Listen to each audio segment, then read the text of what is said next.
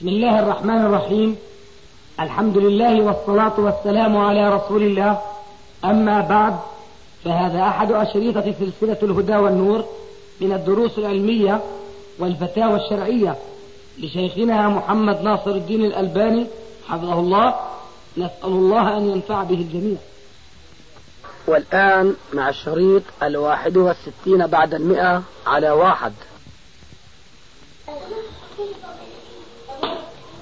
أنا آه. أنت ولا أخوك؟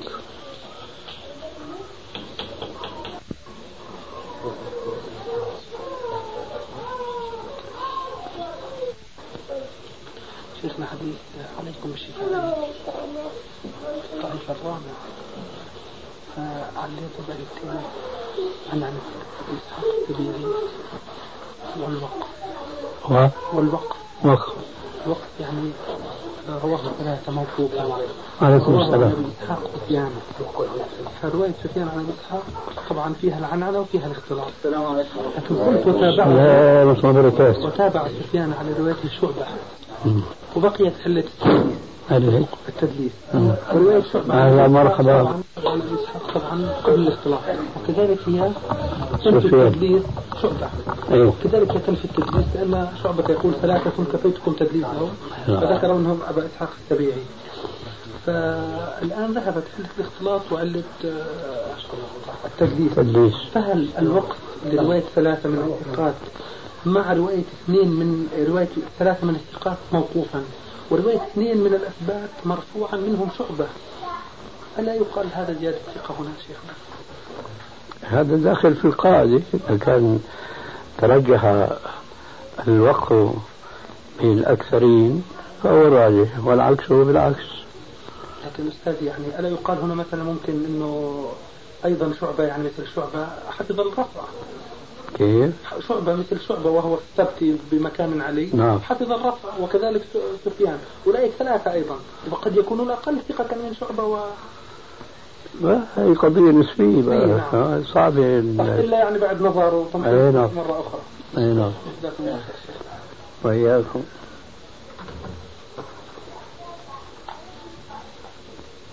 أستاذنا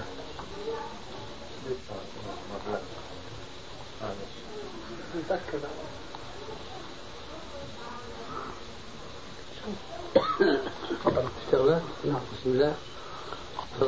بالنسبة طبعا نبدأ حديثنا خلينا نبدأ حديثنا يا شيخ لأن الأستاذ قد يجهل بعض ترى أنه يجهل بعض الناس في نصيحة تنفعنا فيها في دنيتنا وآخرتنا. بما تنصحنا يا أستاذ؟ ننصح بكلمة موجزة ومختصرة.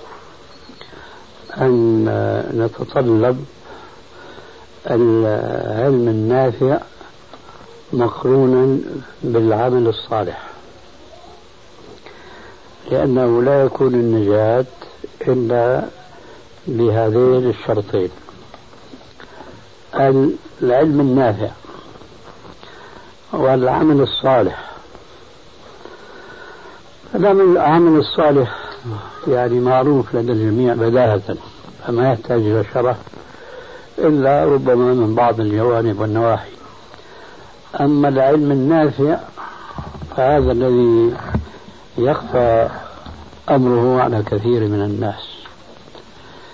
لأن العلم هو ما كان مشتقا من كتاب الله ومن حديث رسول الله صلى الله عليه وسلم مع الاعتماد على ما كان عليه سلفنا الصالح لأنهم تلقوا الشرع كتابا وسنة غضا طريا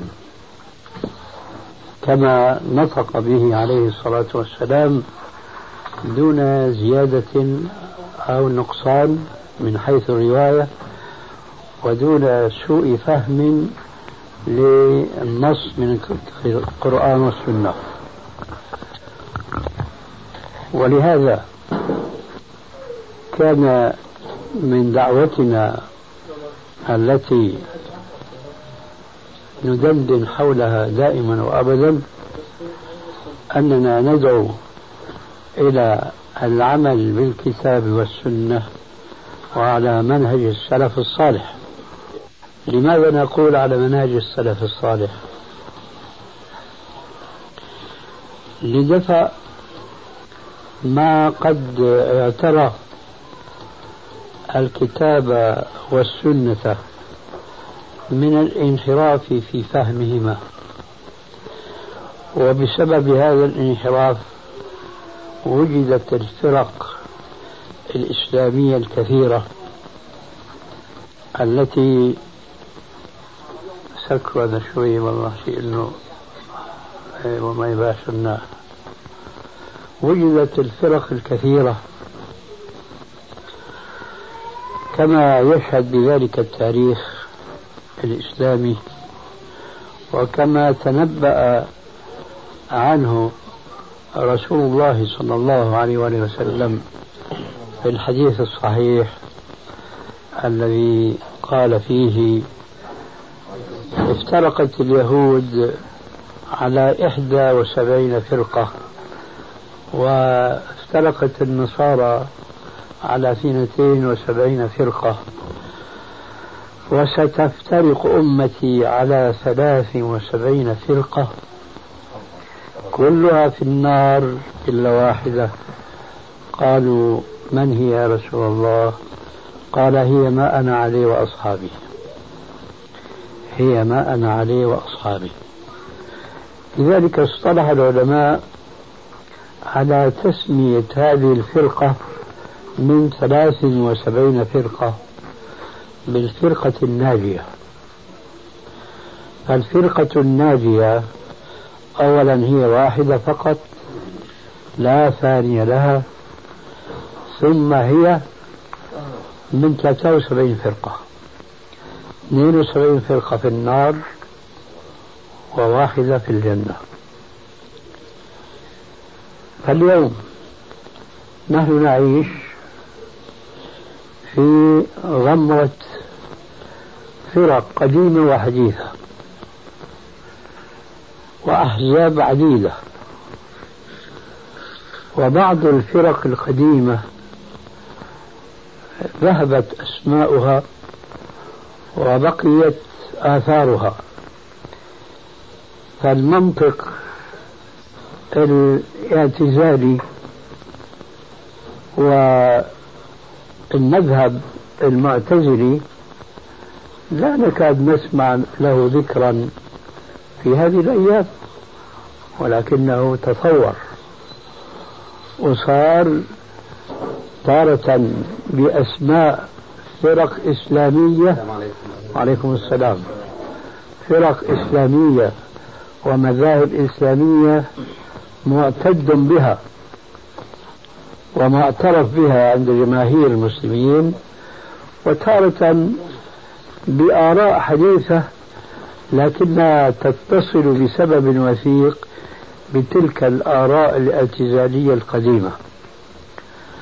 أما التارة الأولى التي أشرت إليها آنفا وهي التي تكون بأسماء ومعترف بها عند المسلمين فمثلا كالأشاعرة وكالماتريدية.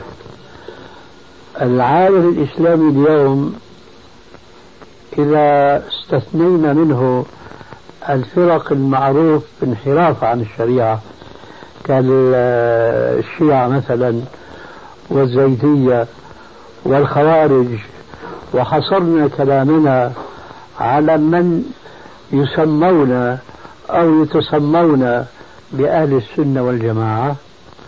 فأهل السنة والجماعة اليوم هم ثلاثة مذاهب فيما يتعلق بالعقائد وأربعة مذاهب فيما يتعلق بالفقه. أما المذاهب الثلاثة الأولى فهي الماتريدية والأشاعرة وأهل الحديث. فهذه فرق ثلاث تتعلق في العقيدة فقط في أهل السنة والجماعة. أما المذاهب الأربعة فمعروفة لدى الجميع في الفقهيات الحنفي والمالكي والشافعي والحنبلي.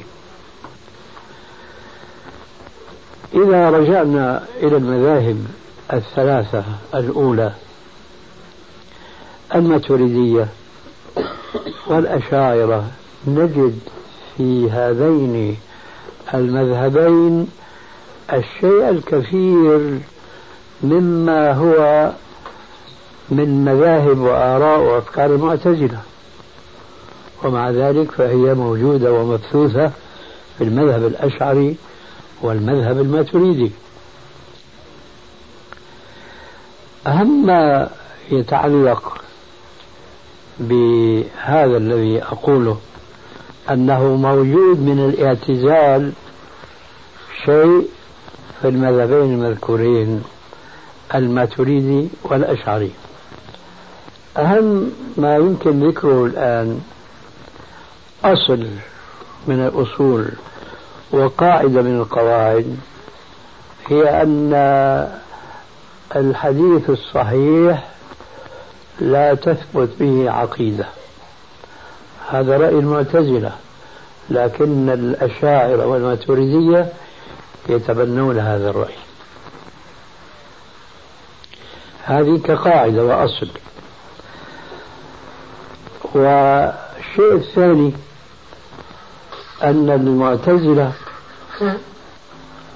عرفوا عند أهل السنة حقا بأنهم يتأولون آيات الصفات وأحاديث الصفات.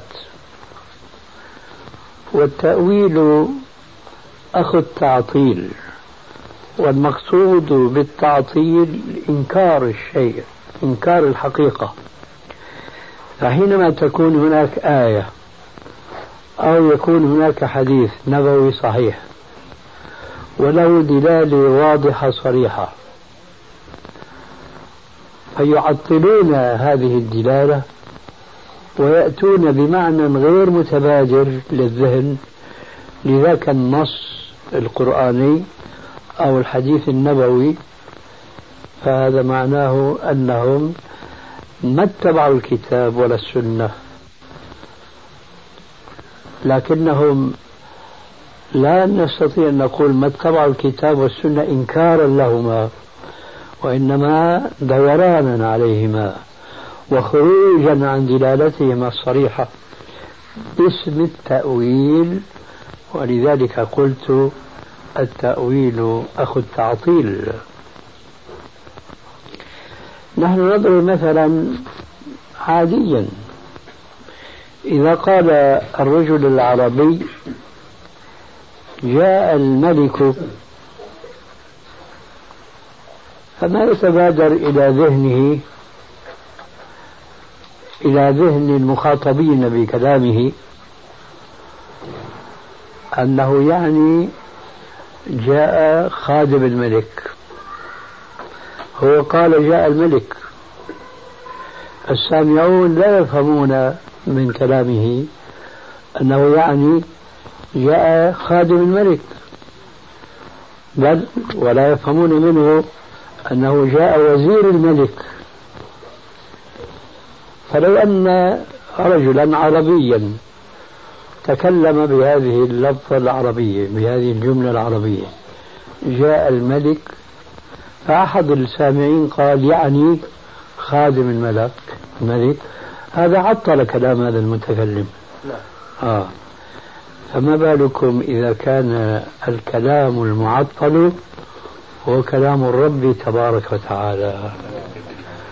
فيأتي المعتزلة ويتبعهم في ذلك الماتريدية والأشاعرة فيتأولون بعض الآيات القرآنية والأحاديث النبوية بمثل هذا التأويل الذي قلنا عنه بحق إنه أخو التعطيل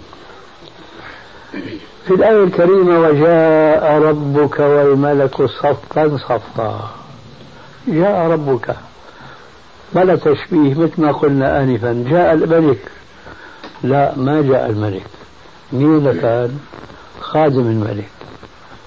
وزير الملك. في فرق بين الخادم والوزير طبعا. مع ذلك فإذا فسر بوزير الملك بيكون عاطل باطل. وإذا فسر بخادم الملك فهو أعطل. آه.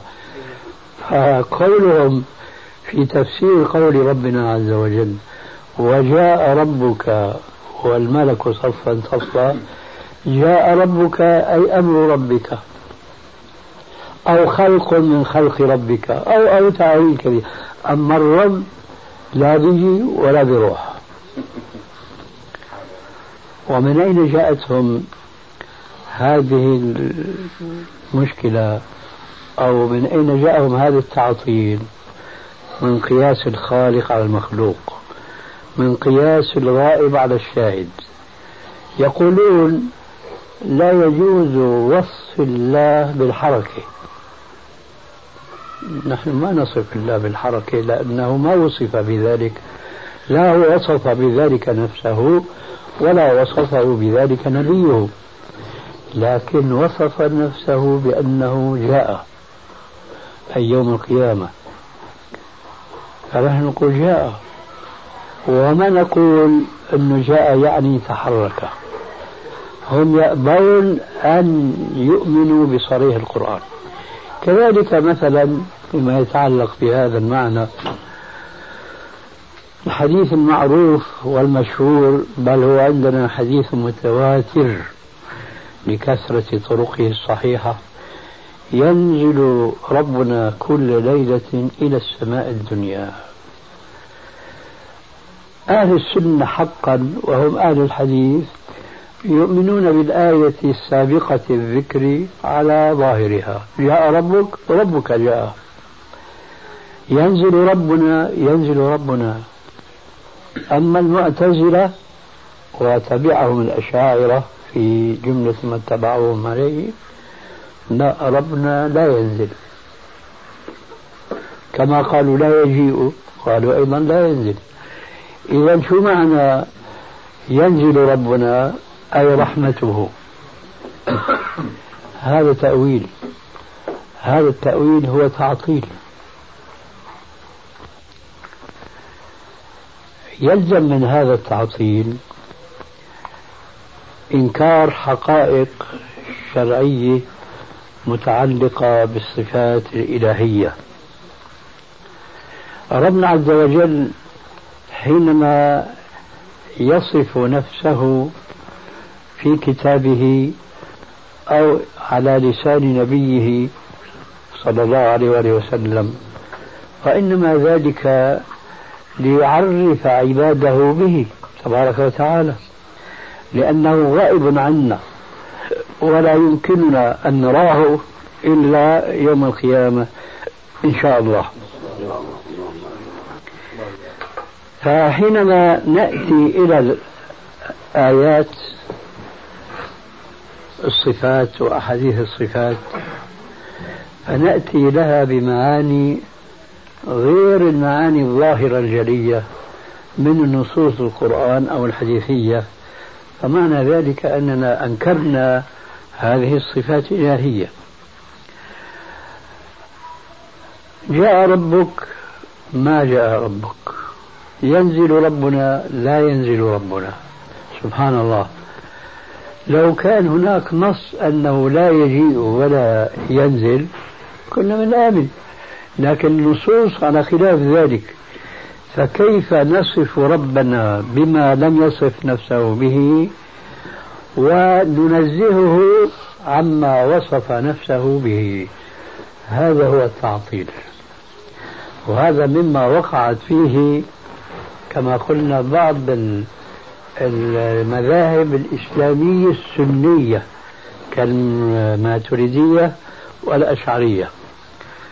لهذا قلنا إننا ندعو إلى اتباع الكتاب والسنة وعلى منهج السلف الصالح حتى ما نقع في مثل هذه الانحرافات التي ابتدأها المعتزلة ثم تبعهم عليها كثير ممن ينتمون إلى أهل السنة والجماعة. أهل السنة والجماعة اليوم في عرف العصر الحاضر وفي الأزهر الشريف والجامعات الإسلامية وإلى آخره هي أهل الحديث والماتريدية والأشعرية. طيب هذه مذاهب ثلاثة في العقيدة. وكيف يكون هناك ثلاثة مذاهب في العقيدة؟ في الأمور الغيبية. يقولون اختلافهم رحمة. كان يمكن أن يكون هذا وقد قيل. أن هذا في الأحكام اختلافهم رحمة في الأحكام لأنه فيه تيسير. كما يقول بعض الجهلة أن يوم القيامة يقف على أول الصراط الأئمة الأربعة فكأنهم هن محاسبين الناس. بيجي رجل مثلا حنفي المذهب. صلى صلاة جعلك. لكن بتصح في مذهب ثاني بيقول له الإمام الثاني تعال من هون أنت صلاتك صحيحة على مذهبي وهكذا. هذا هو الضلال المبين. فقلت ممكن أن يقال أن الاختلاف في الفروع فيه يسر وبنوا على ذلك هذه الخرافة التي ذكرناها متعلقة بالصراط. مع ذلك الاختلاف ليس برحمة. حتى في الفروع. فما بالنا نقول ثلاثة مذاهب في العقيدة التي لا يمكن أن يتصور فيها شكلان من في العقيدة. في بعض الأحكام الشرعية ممكن يكون في وجهين. يعني كما يعبر شيخ الإسلام ابن تيمية رحمه الله فيقول الاختلاف نوعان. اختلاف تضاد واختلاف تنوع. اختلاف تضاد فلان توضأ ولمس امرأة. شو حكم وضوءه؟ قول انتقد وضوءه. قول من انتقد وضوءه؟ هذا اختلاف تضاد. لا يمكن أن يكون القولان صحيحين في واقع الشرع وإنما أحدهما هو الصحيح ما هو الصحيح يعرفه أهل العلم. وأهل العلم الذين يستقون العلم من الكتاب والسنة. هذا اختلاف تضاد. لا يمكن أن يكونوا قولين صحيحين. اختلاف تنوع. الإمام الشافعي بيقول دعاء الاستفتاح وجهت وجهي للذي فطر السماوات والأرض إلى آخره. الإمام أبو حنيفة يقول سبحانك اللهم وبحمدك. المحدثون اللهم باعد بيني وبين الخطايا إلى آخره. في تعارض تصادم؟ ما في تعارض تصادم. إن أنت استفتحت بوجهته جاز. سبحانك جاز. اللهم بعد جاز. وفي هناك أدعية أخرى كثيرة ذكر في صفة الصلاة. هذا اختلاف تنوع. أما في العقيدة لا يمكن أن يصور اختلاف وجه من وجوه إطلاقا يعني ربنا إما أنه ينزل أو لا ينزل. يجيء أو لا يجيء. استوى على العرش أو ما استوى على العرش. ونحو ذلك. مع هذا وجدت في العقيدة ثلاثة مذاهب. كيف تصور هذه المذاهب الثلاثة في العقيدة تكون حق؟ وربنا عز وجل يقول فماذا بعد الحق إلا الضلال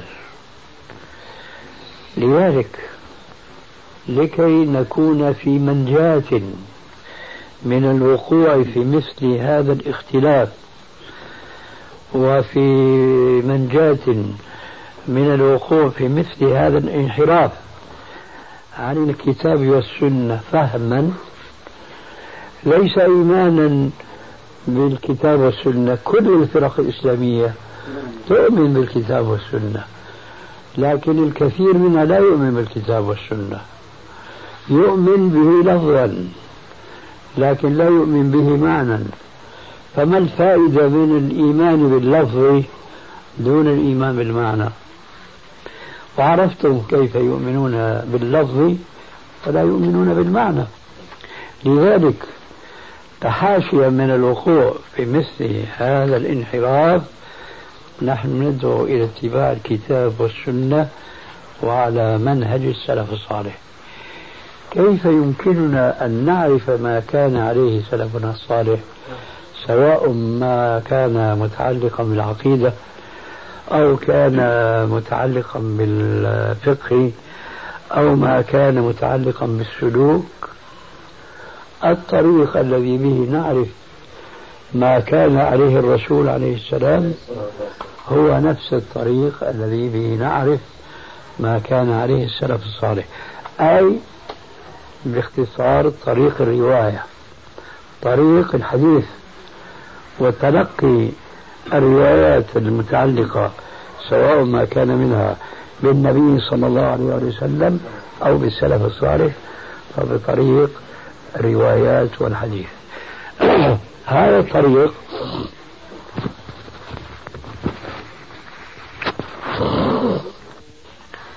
حاد عنه جماهير المسلمين اليوم وقبل اليوم من قرون فجماهيرهم كانوا يعتمدون في فهم الكتاب والسنة على آرائهم. وما كانوا يشعرون مطلقا في داخلة نفوسهم. أنهم بحاجة إلى أن يستعينوا على فهم الكتاب والسنة بآثار السلف الصالح. ما كانوا يشعرون بهذا لكننا نحن بفضل من سبقنا من أهل العلم تنبهنا لهذه النقطة الهامة ألا وهي ضرورة فهم الكتاب والسنة على منهج السلف الصالح. ومن الدليل على ذلك قوله تبارك وتعالى ومن يشاقق الرسول من بعد ما تبين له الهدى ويتبع غير سبيل المؤمنين نولي ما تولى ونصلي جهنم وساءت مصيرا. هنا دقيقة ولطيفة جدا في الآية الكريمة. ربنا ذكر سبيل المؤمنين عطفا على مشاققة الله والرسول. فقال ومن يشاقق ومن يشاقق الرسول من بعد ما تبين له الهدى ما اكتفى بهذه المشاققة عطف عليها قوله ويتبع غير سبيل المؤمنين نولي ما تولى ونصله جهنم وساءت مصيرا ترى ما هي النكتة من ذكر سبيل المؤمنين؟ لو أن الآية كانت فرضا ومن يشاقق الرسول من بعد ما تبين له الهدى نوله ما تولى ونصله جهنم وساءت مصيرا. ترى كان يكتفي بالغرض الذي قامت به الآية بتمام ويتبع غير سبيل المؤمنين؟ نقول لا. إذا هنا نكتة بالغة من ذكر الله عز وجل لجملة ويتبع غير سبيل المؤمنين عطفا على قول رب العالمين ومن يشاقق الرسول من بعد ما تبين له الهدى ويتبع غير سبيل المؤمنين. لماذا ذكر هذه الجملة؟ يتبين لكم الآن لماذا؟ أي يكون باتباع سبيل المؤمنين الذين اتبعوه بإحسان عليه الصلاة والسلام وإلا لو فعلنا كما فعلت المعتزلة والخوارج ركبنا رؤوسنا وسلطنا أفهامنا بل أهواءنا على نصوص الكتاب والسنة لضللنا ضلالا بعيدا. ولكنا من الذين شاقوا الله والرسول. باسم إيش؟ هكذا نحن نفهم.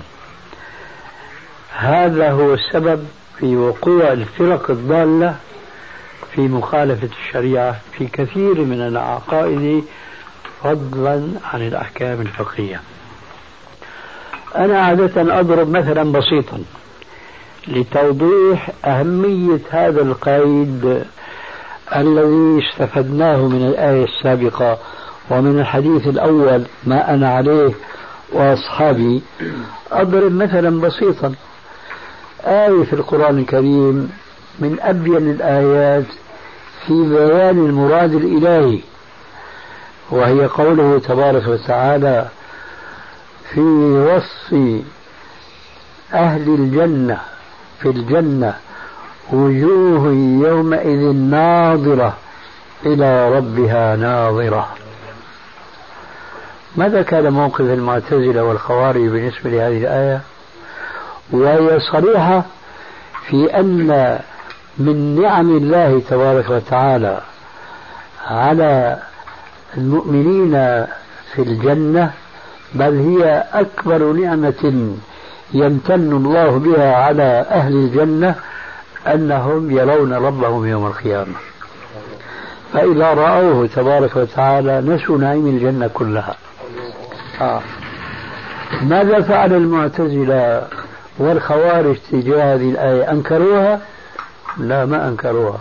لأنه لو أنكروها لخرجوا من الدين كما تخرج الشعر من العجين لكنهم عطلوها. خلصوا دلالتها الصريحة. إلى ربها ناظرة قالوا إلى نعيم ربها ناظرة. ما فيها شيء. إلى نعيم ربها ناظرة.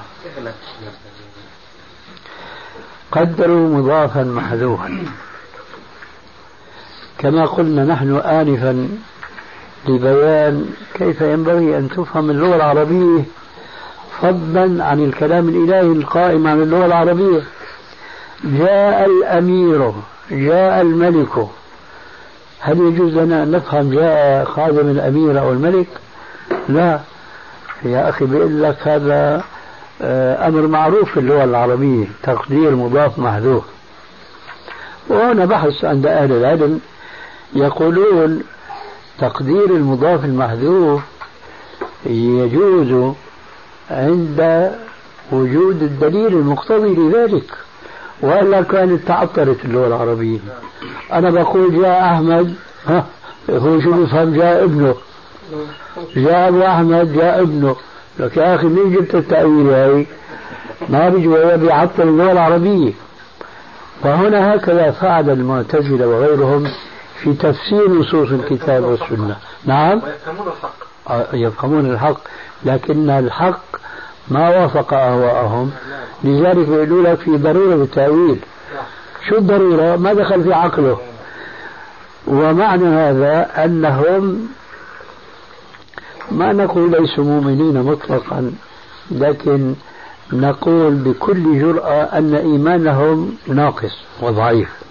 لأن الله عز وجل يقول في مطلع آه سورة البقرة ألف لام ذلك الكتاب لا ريب فيه هدى للمتقين. من هم؟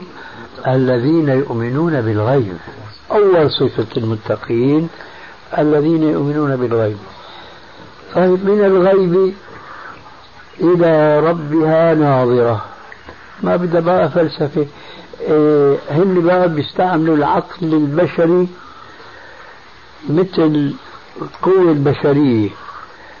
تستطيع أن تزيل الجبل عن مكانها؟ لا القوة البشرية محدودة. كذلك البصر محدود السمع بحر.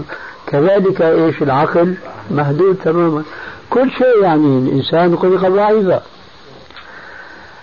فهم لما بيسمعوا الآية إلى ربها ناظرة أكيد نحن إذا قلنا إلى ربها ناظرة معناه حصرناه في جهة. حطينا فوق حطينا قدام إلى آخره. من, من هذه الشبهات التي استقوها من ما يشاهدونه حولهم كمخلوقين. لكن الخالق نسوا أنه وصف نفسه بصفتين اثنتين. إحداهما إيجابية والأخرى سلبية. الإيجابية صفة قائمة فيه السلبية تنزيه له تبارك وتعالى فقال في آه، وهو السميع البصير ليس كمثله شيء. ليس كمثله شيء وهو السميع البصير. ليس كمثله شيء تنزيه. إنه أي شيء بيخطر في بالك من صفات الله عز وجل يختلط عليك الأمر ليكون مثل صفاتنا بتقول راسا ليس كمثله شيء. لكن هل هو عبارة عن معنى قائم في الذهن؟ لا حقيقة له ولا وجود له حاشاه. يعني نحن الآن نستطيع أن نتصور العنقاء. العنقاء اسم عربي قديم خيالي.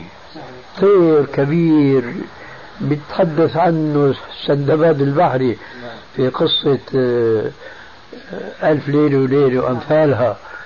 أنه عبارة عن طير كبير يعني بيض تبعه مثل القبة.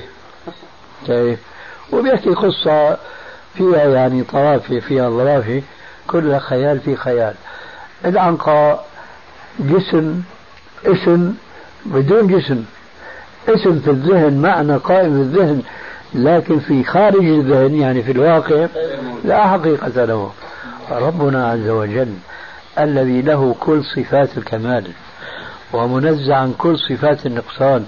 هل هو هكذا معنى قائم في نفوسنا وليس له حقيقة قائمة خارج هذا الكون خارج هذا العقل؟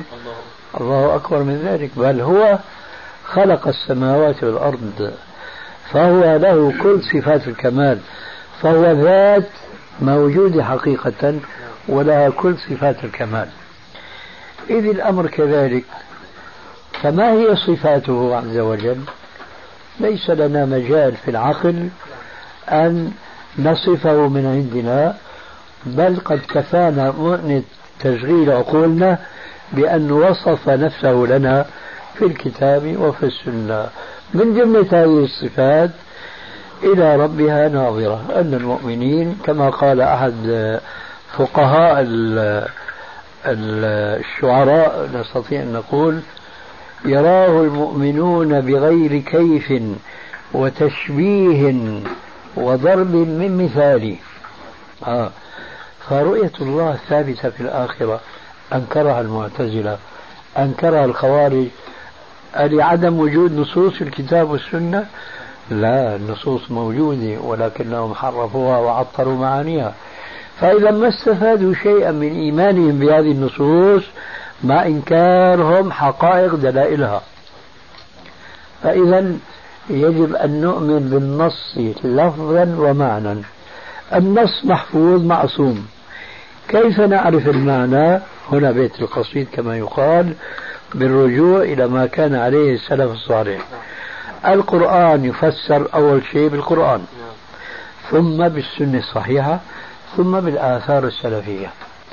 فهل نجد عند السلف الصالح تفسير هذه الآية وجوه يومئذ ناظرة إلى ربها ناظرة أي إلى نعيم ربها؟ أبدا. كل أثر يأتي عن السلف يتفق مع ظاهر الآية أولا ثم مع الأحاديث الصحيحة الصريحة في الدلالة على أن الآية على ظاهرها التي يفهمها كل عربي. إذا كان لم يصب بهوى لم يصب بمذهبية أو حزبية مقيتة. هناك آية أخرى. قال تعالى للذين أحسنوا الحسنى وزيادة. جاء تفسير هذه الآية في الحديث الصحيح في مسلم. للذين أحسنوا الحسنى أي الجنة وزيادة أي رؤية الله في الآخرة. فسروها بغير شيء رؤية النعم وما شابه ذلك مما سبق ذكره. هذا اسمه تعطيل باختصار ولعلي أطلت. أكثر مما أراد السائل بالسؤال باختصار أقول رحم الله ابن القيم الذي قال العلم قال الله قال رسوله قال الصحابة ليس بالتمويه ما العلم نصبك للخلاف سفاهة بين الرسول وبين رأي فقيه كلا ولا جحد الصفات ونفيها حذرا من التعطيل والتشبيه. هذا هو العلم. قال الله قال رسول الله قال الصحابة. اليوم الفرق الإسلامية كلها يأخذون من هذا الكلام اثنين. قال الله وقال رسول الله. لكن بلفوا بقى وبدوروا على ما قال الله قال رسول الله ويأتونك بمذهب ما أنزل الله به من سلطان. وحسبكم مثالا على ذلك الفرقة الجديدة وهي القاديانية الذين يسمون بالأحمدية. فهؤلاء آخر الفرق الإسلامية التي لها كيان ولها شخوص ولها بروز ولها دعوة شائعة في البلاد الأوروبية والأمريكية باسم الإسلام. هؤلاء مسلمون يصلون الصلوات الخمس ويحجون إلى بيت الله الحرام ولكنهم ينكرون حقائق شرعية منصوصة في الكتاب والسنة لم يسبقوا إلى القول بها. مش مثل المعتزلة ما تريدية أشاعرة فهم مثلا ينكرون أن يكون هناك خلق هم الجن مع أن هناك سورة في القرآن اسمها سورة الجن. طيب هل, هل ينكرون القرآن ينكرون السورة؟ لا. لكن يقولون لنا أنتم ما فهمتم معنى الجن. الجن مثل الإنس والبشر اللفظين هذول بدلوا على مسمى واحد ولا على مسميين لا مسمى واحد. هن ما جابوا مسمى ثالث الإنس والبشر والجن أسماء ثلاثة تطلق على مسمى واحد وهم البشر. لما بتجيب لهم آية في القرآن خلقته خلقتني من نار وخلقته من طين. بيقول لك هي مش نار حقيقية ولا طين حقيقي إنما هذا مجاز. مجاز. ولما بتجيب له الحديث الصحيح في مسلم آه، خلق الله الملائكة من نور. وخلق الجان من نار وخلق آدم مما وصف لكم. يقولوا لك هذا حديث آحاد حديث آحاد حديث آحاد آحاد حديث مو متواتر يعني. حديث آحاد لا تثبت فيه عقيدة. وهذه ضلالة وهي أن حديث الآحاد لا تثبت فيه عقيدة. مع الأسف الشديد ما هو مذهب قادياني القاديانية سبقوا إلى هذه الضلالة بقرون لكن لم يسبقوا إلى تفسير الجن لأنهم الإنس أو البشر. الأزهر الشريف الآن الأزهر بيسموه الشريف يقرر على الطلاب اللي بيوزعوهم في العالم الإسلامي.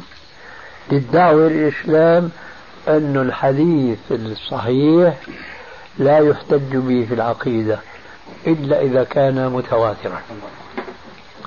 شو معنى متواتر؟ يعني يكون جاي من طرق عديدة. يعني يكون رواه في عشرة من الصحابة وعشرة من التابعين عن عشرة من الصحابة وهكذا. وعلى كل حال أردت أن أختصر لكن كما يقال الحديث ذو شجون نعم شو يستفيدوا من التعطيل؟ نعم شو يستفيدوا من التعطيل؟ ما فهمت ماذا يستفيدون من التعطيل؟ شو يستفيدوا هم؟ اتباع الأهواء عقل بحكم عقولهم ما بحكم شرعهم فرأيت من اتخذ إلهه هواه هواه إي نعم الشاهد أذكر جيدا بمناسبة الأزهر الشريف وعليكم السلام وأنه يقرر هذه العقيدة. أخطأ أبو أحمد ومن الكأس. إن شاء الله. إيه، أخطأت حيث لم تنبهه. فالبدأ خطأ منه وأنت سايرته يمكن هي يعني.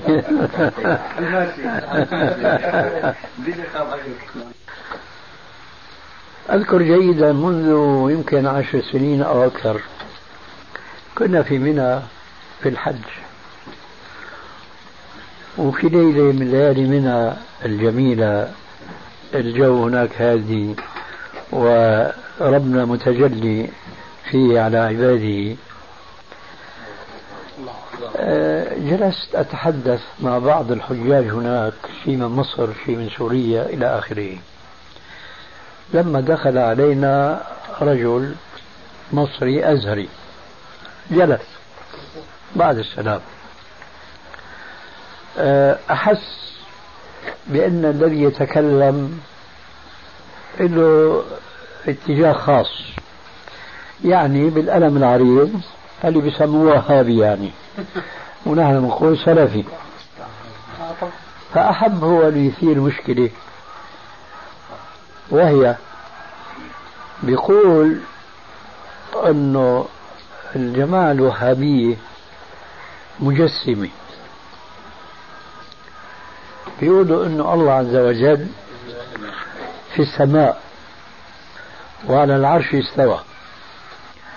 أنا سمعت له مشان رجع له. انتهى من الكلام. قلت له يا شيخ الرحمن عرش استوى. هذا كلام البشر ولا كلام الله. قال كلام الله. قلت أنا سمعتك بتقول أن الوهابية بيقولوا هيك. هذا كلام رب العالمين. شو قال المسكين؟ قال صحيح هذا كلام رب العالمين لكن المعنى مو مثل ما بيقولوا هن.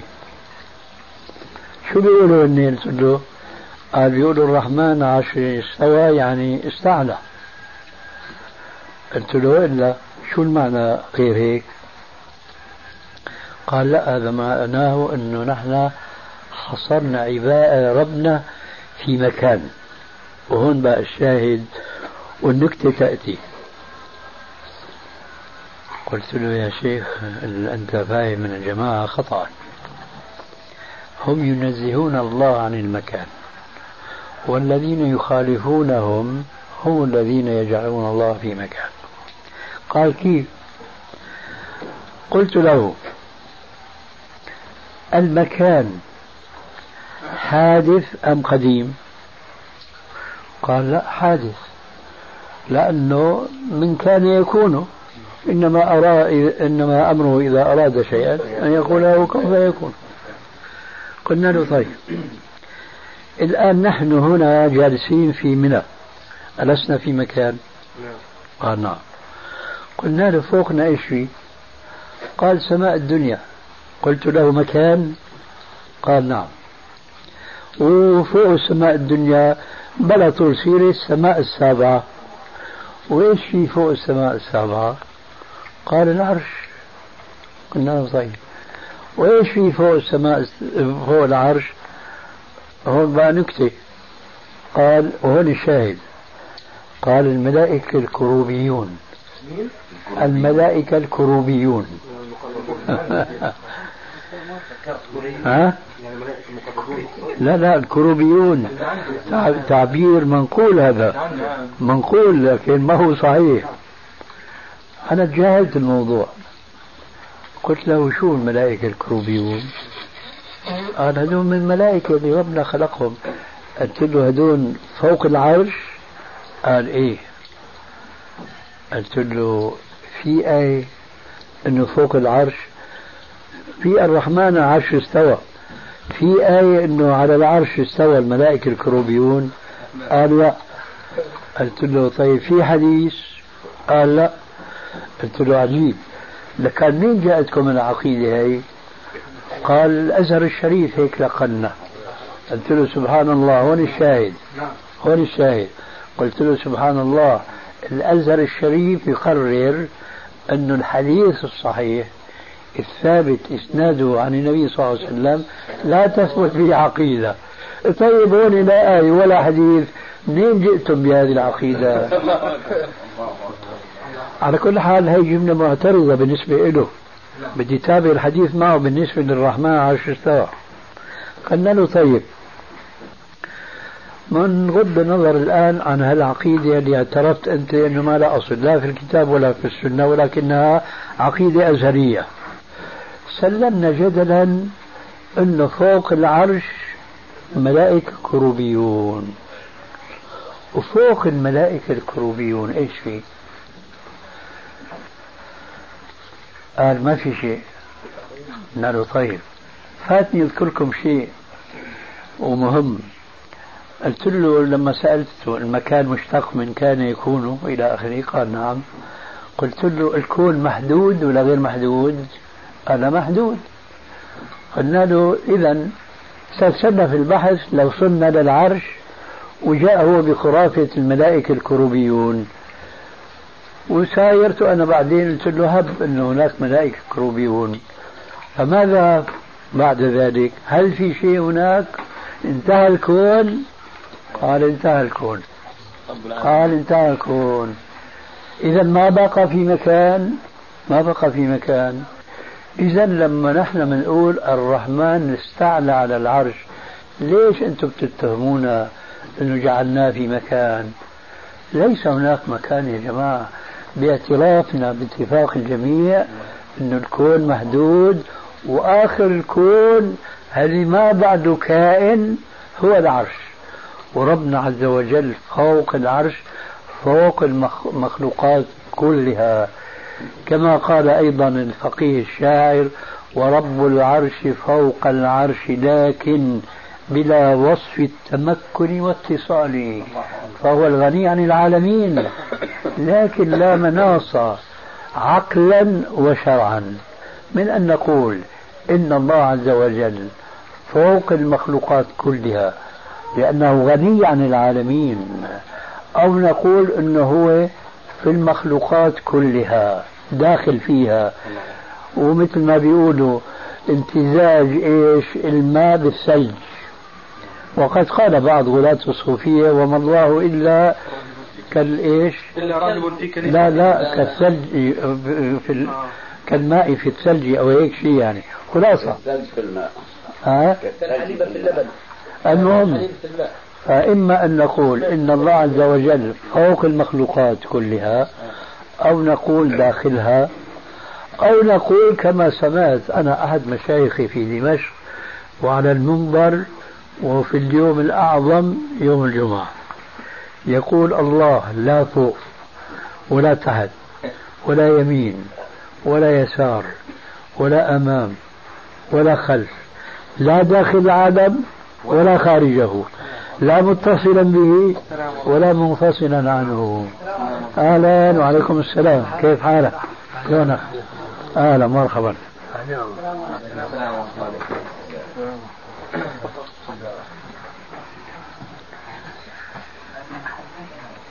هذا الوصف لو قيل لأفصح العربي كلاما وبيانا. صف لنا المعدوم ما استطاع أن يصفه بأكثر مما يصف هؤلاء معبودهم. الله لا فوق ولا تحت ولا يمين ولا يسار لا أمام لا خلف لا داخل العالم ولا خارجه لا متصلا به ولا منفصلا عنه. هذا هو المعدوم. هذا هو المعدوم. ولذلك آه، أعجبني جدا كلمة من أحد أذكياء الأمراء. ابن تيمية الله يرحمه ويجازيه عن الإسلام خيرا جاهد في سبيل الدفاع عن مذهب السلف جهادا كبيرا. وكما تعلمون دائما أهل البدعة بيقوموا ضد أهل السنة. وبخاصة قديما وفي زمان ابن تيمية كل مشايخ ضده فشكوا إلى الأمير في دمشق. وطلبوا منه أنه يجمعنا معه مشان نقيم الحجة عليه أمامك. فدعاهم الأمير. بدأ النقاش في بعض النقاط الاعتقادية منها أن ابن تيمية بيقول الله عز وجل له صفة العلو فوق المخلوقات كلها. هذيك بيقولوا لا الله في كل مكان مثل ما بتسمعوا في هذا الزمان. هلا أدنى مناسبة بيقول لك الله موجود في كل وجود. شلون الله موجود في كل وجود؟ من جملة الوجود المجاري والكهاريز والمراحيض وال... والبارات والخانات والحانات وإلى آخره. الله موجود. في كل الوجود. خلاصة جرى نقاش بين ابن تيمية والمشايخ. أقام الحجة ابن تيمية عليهم بمثل هذا الكلام اللي سمعته وأكثر منه. شو قال هذا الأمير؟ الذكي العاقل. ما هو عالم لكن سمع المناقشة بين ابن تيمية وبين جمهور المشايخ. فقال عن المشايخ هؤلاء قوم أضاعوا ربهم. هذا كلام صحيح. لأن واحد إذا قضى لا فوق ولا تحت ولا يمين ولا يسار وإلى آخر كل شيء. المصدي هذه. هذول فعلا أضاعوا ربهم. مش عارفين ربنا اللي بيعبدوه. لك أنت لما بتسجد بتقول سبحان ربي الأعلى. مش عارف. سبحان ربي الأعلى. هو في كل مكان. شو معنى سبحان ربي الأعلى؟ الرحمن على العرش استوى أي استعلى.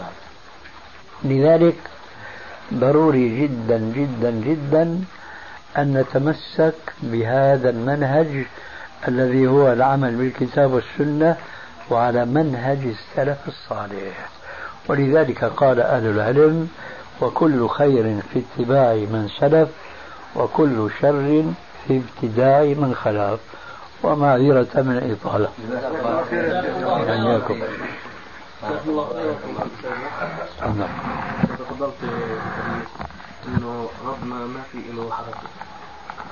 يعني الدلائل.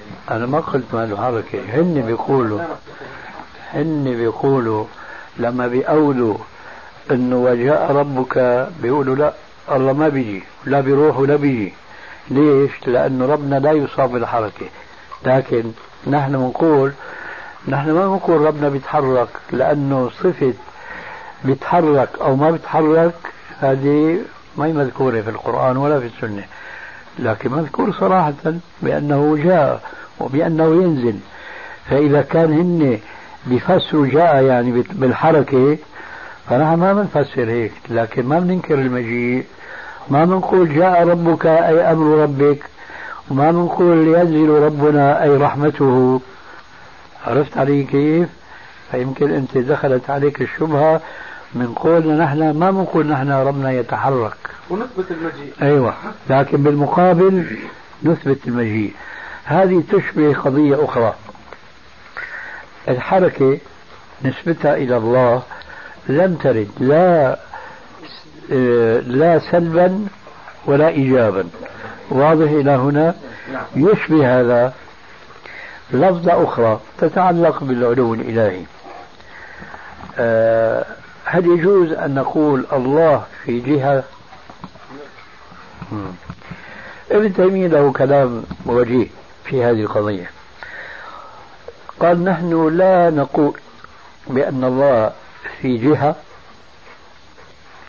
ولا نقول بأنه ليس في جهة لأن لفظة الجهة لم ترد لا سلبا ولا إيجابا. لكن إذا قيل لنا كما قيل لنا هناك في منى أنه أنتم لما تقولوا الرحمن عرش استوى أي استعلى معناه جعلتوه في جهة. ووصف الله بأنه في جهة هذا لا يليق بالله عز وجل لأن الجهة من صفة المخلوقين.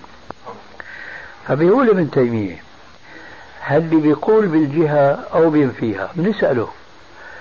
هذا الذي يقول بالجهة ماذا تعني بهذه الكلمة؟ إذا قال الله في جهة يعني في جهة العلو كما وصف به نفسه. ما لنا سبيل في الإنكار عليه؟ مرتين. المرة الأولى جاء بلفظة غير واردة وهي الجهة والمرة الثانية أنه أنكر المعنى الثابت في الشرع في آيات الاستواء والعلوم. وضح لك الآن واضح الأدلة اللي ذكرتها لا تدل أنه يتحرك ما بنقول يا حبيبي ما بنقول يتحرك. نحن ما بنقول إذا بدنا نقول بأنه معنى جاء تحرك معناه عم نعطي الصفة اللي نحن نعرفها لأنفسنا عم ننسبها لربنا. تتمة الكلام في الشريط التالي. اسمع يا